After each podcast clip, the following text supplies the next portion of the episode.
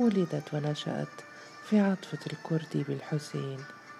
لأب مصري يدعى عبد الحليم النجار صاحب دكان نجارة صغير بالحسين وأم سورية. وقد تزوجت من سرور أفندي بعد زواج شقيقه الأكبر عمرو بثلاثة أعوام. وكان عزيز يؤمن بالزواج المبكر فلم يلق بالا لاعتراض سرور. وقال له الزواج لأمثالك دواء ناجح. وقال له أخوه عمرو أنت صاحب مزاج وعلى قد حالك والزواج أرخص وسيلة. واستعانوا بخطبة فدلتهم على بيت عبد الحليم وكان الرجل ذا سمعة طيبة وميسور الحال لدرجة لا بأس بها. أجل أعترض عليه بصفته صاحب حرفة ولكن الخطبة قالت البنت أدب وجمال وذهبت نعمة ورضية للزيارة التقليدية. انبهر حقا بجمال العروس وكانت بيضاء فاحمة الشعر ذات عينين خضراوين وجسم لدن ونظرة عميقة الهدوء. وقالت نعمة وهما في طريق العودة. آية في الجمال. فأشعلت غيرة راضية وقالت وكأنما تؤيد وتدافع. أما الأصل فكلنا أولاد حواء وآدم. وزفت زينب إلى سرور في بيت مجاور لبيت عمرو بميدان بيت القاضي.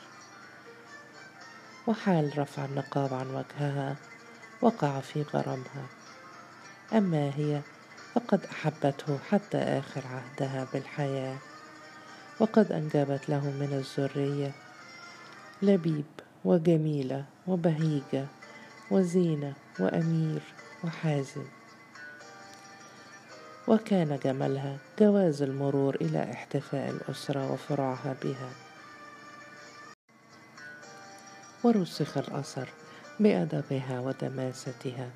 وهدوء طبعها أجل شعرت بغريزة ما بغيرة راضية منها ولكن لم ينجم عن ذلك أي مضاعفات بفضل هدوء طبعها المتمادي لحد البرود. طالما احترمتها وجاملتها وقدمتها على نفسها بوصفها حرم الشقيق الأكبر.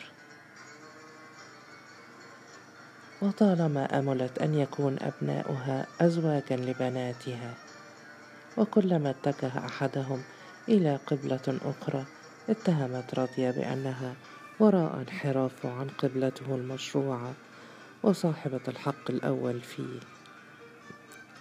ولكن ذلك لم يفسد الود بين الأسرتين ولا ظهر فيه أثر فوق السطح. متاعبها الحقيقية بدأت مع اقتراب سرور من الكهولة؟ فلم يغب عنها إحساسها اليقظ تململه ولا تطلع التلقائي لكل من هبت ودبت من حسان الحي. وبسبب ذلك قام النزاع بينهما على كبر. من ناحيته دفع عن نفسه التهم بحدة وعصبية ومن ناحيتها عاتبت واشتكت بصوتها المهموس ودماثتها الصامدة. ولما فرغ صبرها شكته إلى أخيه الأكبر عمرو أفندي فقال عمرو لأخيه الناس تكبر تعقل فأكد له أن الأوهام لا تريح زوجته فقال عمرو أولادك كبروا أيضا. وعلمت راضية بالمشكلة فراحت تقول لسلفتها وأين يجد جمالا كجمالك؟ ولكنها سرت في باطنها وقالت لنفسها إن المرأة لا تحيا بجمالها وحده.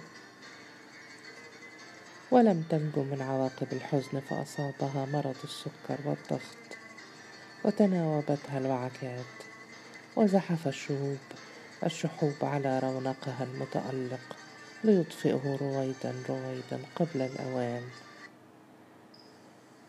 وقرأت دوما أحلام الجشع في نظرات سرور وعاشت في جو ملبد بسحب المخاوف وتناوبتها هواجس محضة بأنه لولا الفقر لتزوج مرة أخرى. وهل يبعد أن يصفر بامرأة غنية تحبه كما جرى حظعة المراكيب قديما؟ وطالما غبطت راضية على قناعة زوجها وعلو مكانتها في الأسرة. نتيجة لمصاهرتها لآل مراكيبي وآل داود وتقول لزوجها انظر كيف يحبون أخاك ويصدقون عليه بالهدايا. أما أنت فقد أثرت نفورهم بحدة لسانك.